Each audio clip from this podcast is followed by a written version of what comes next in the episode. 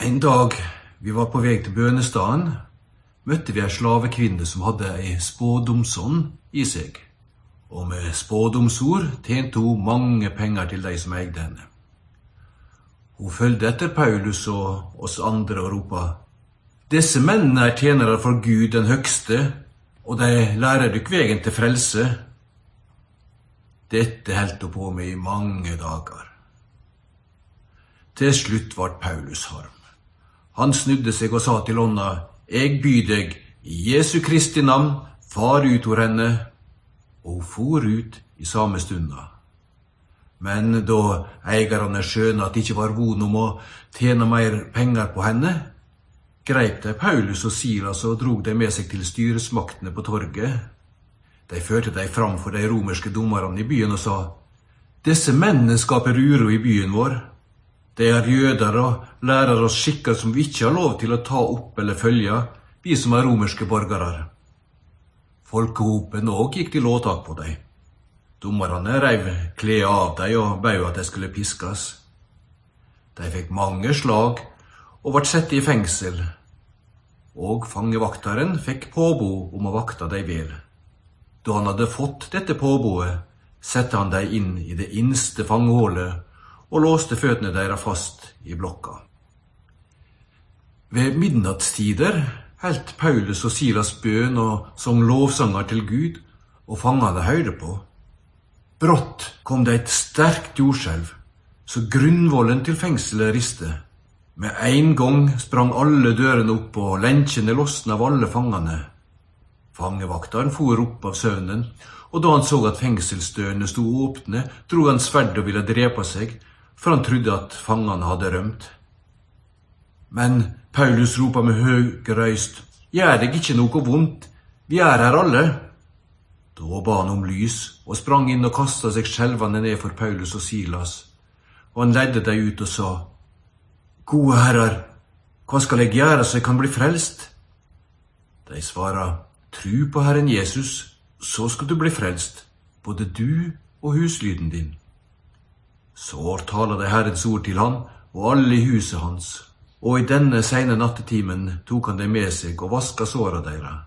Straks etter ble han døypt med alle sine.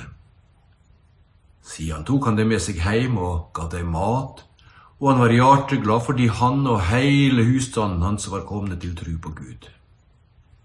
Da det ble dag, sendte dommerne båd med rettstjenerne. Slipp disse mennene fri. Fangevakteren meldte det til Paulus og sa, Dommeren har sendt på om at det skal slippes fri.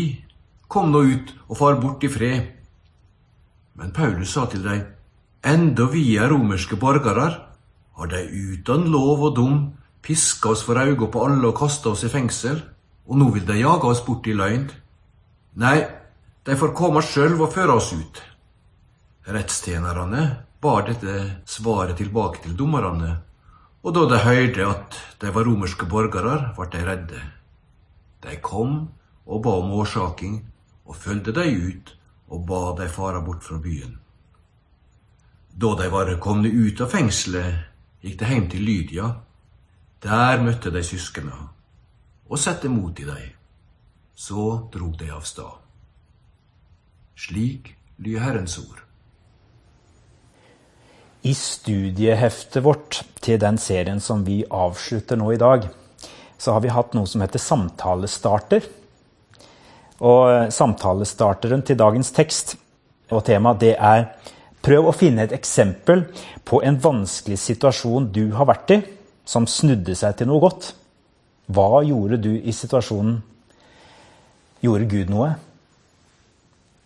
Jeg har lyst til at du skal ta deg litt tid kanskje etterpå, til å reflektere litt over det.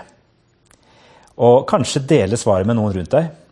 For når vi tenker etter, så har de fleste av oss noen sånne litt forunderlige erfaringer. Kanskje har vi opplevd dette flere ganger enn vi egentlig husker. Vi mennesker har så lett for å rasjonalisere bort det Gud gjør i våre liv. Vi har ofte ganske god trening i å bortforklare Gud. Bortforklare det gode han gjør. I hvert fall er jeg det. For meg faller det ofte lettere å anklage ham for alt det han ikke gjør. Derfor trenger jeg denne fortellingen om Paulus og Silas i fengselet. Den har egentlig fulgt meg helt siden jeg var uh, ungdom. Etter hvert som jeg har vendt tilbake til den, så har, har den langsomt blitt en, sånn, en, slags eksempeltekst for mye av det jeg ønsker skal være sant i min gudsrelasjon. I dag vil jeg bare gi deg min helt enkle oppsummering av det som særlig har fått bety noe for meg her i møte med denne fortellingen. Jeg hører til dem som egentlig alltid har levd et godt og i hvert fall ytre sett privilegert liv. Det er ingen som har vært i nærheten av å sette meg i fengsel for min tro. Og likevel, sånn på innsida, så har det vært flere perioder da jeg har kjent meg nesten som om jeg satt i et slags indre fengsel. Jeg, jeg var mentalt sliten, nedbrutt. Jeg kjente meg ikke fri, sånn som jeg pleier å være. Jeg så rundt meg, og det jeg så, var vegger som begrenset meg og min naturlige bevegelsesfrihet. Og jeg visste ikke hvor lenge det skulle vare. Da må jeg bare innrømme at det ofte kjentes unaturlig å be til Gud og synge lovsanger. Det kjentes nesten feil å vise takknemlighet. Jeg følte det nesten som om jeg ville ha vært en hykler hvis jeg hadde løftet armene og prist Gud, særlig hvis andre sto rundt og hørte på. For de ville jo kanskje vite at jeg ikke hadde det så veldig bra, og kanskje de ville tro at jeg gjorde meg til. Latet sånn. Hva vil de tro? Jeg prøver ikke å være så veldig hard med meg selv, og jeg håper ikke du heller er det. Det er sånn at i perioder av livet så orker vi ikke å be og lovsynge. Sånn er det bare. Men litt etter litt så har jeg i hvert fall skjønt at min måte å forholde meg til bønn og lovsang på i slike situasjoner, det handler om en misforstått tolkning av hva bønn og lovsang er. Mer eller mindre bevisst har jeg gjort bønn og lovsang til noe som handler om meg først.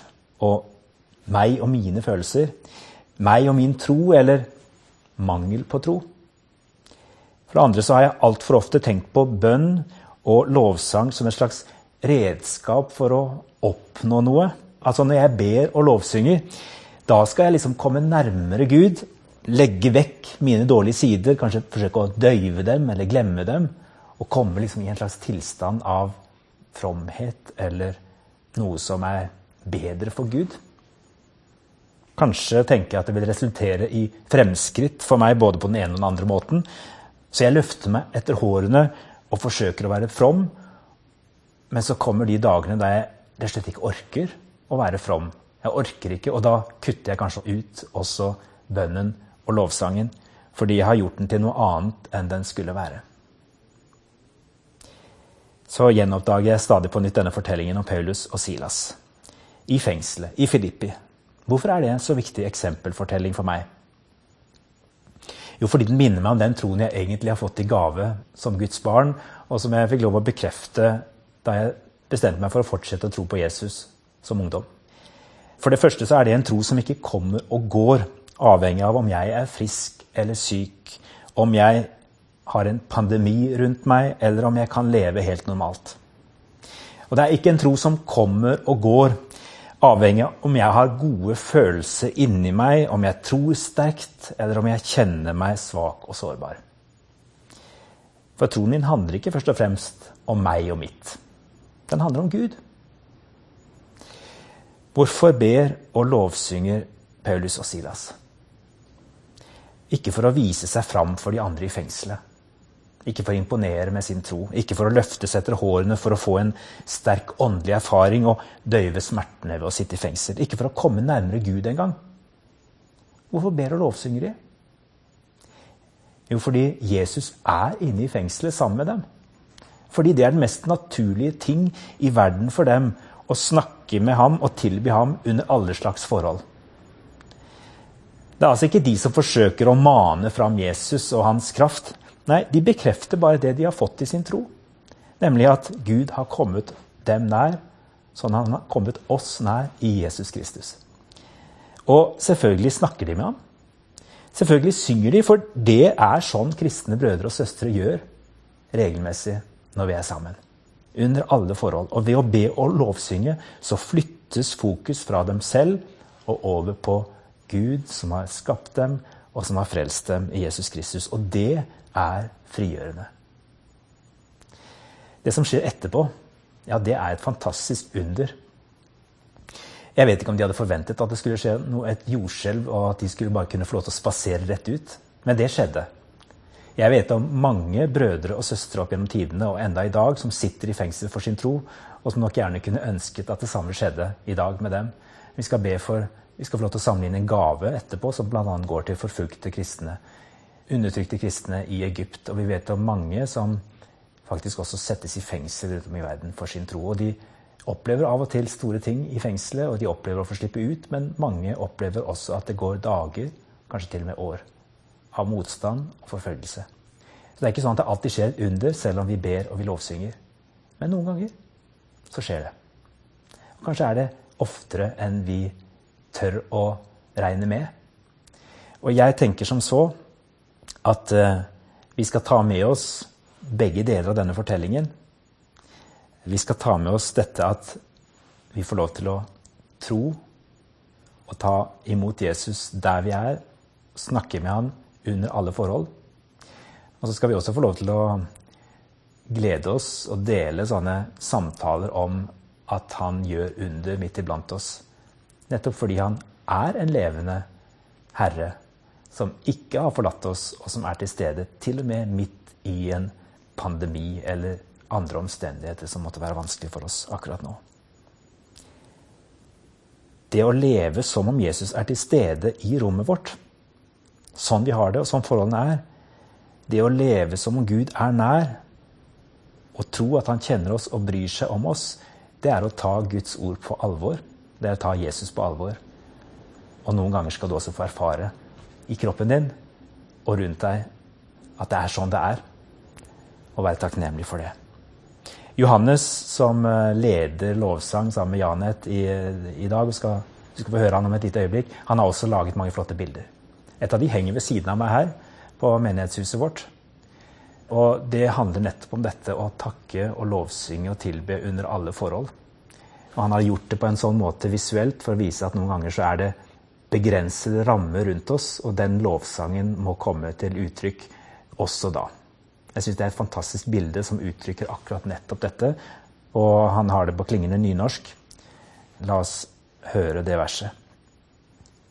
Lat Kristi ord få rikleg rom hos dykk, så det med visdom kan undervise og rettleie hverandre med salmer, hymner og åndelige sanger. Syng for Gud med takk i hjertet.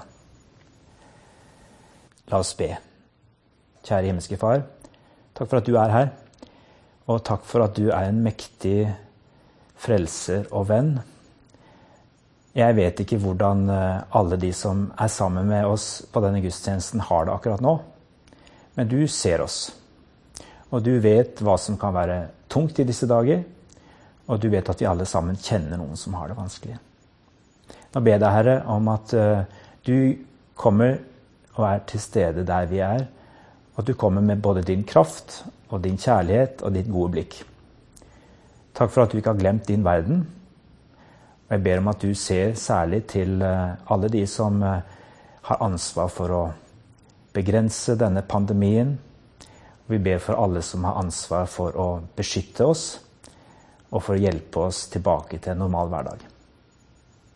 Vi ber for barn og unge. Vi ber for de som er ensomme, aleine. Og vi ber for eh, de som er redde for å bli syke, og som er syke. Vi ber om at du griper inn, og at du gjør et under, og at du eh, frelser oss fra sykdom og vanskeligheter. Så takker vi deg for at uh, uansett hvordan vi har det, så får vi lov til å tro på deg som en nådig Gud som frelser oss fra synd og død, og kan gi oss evig liv. Amen.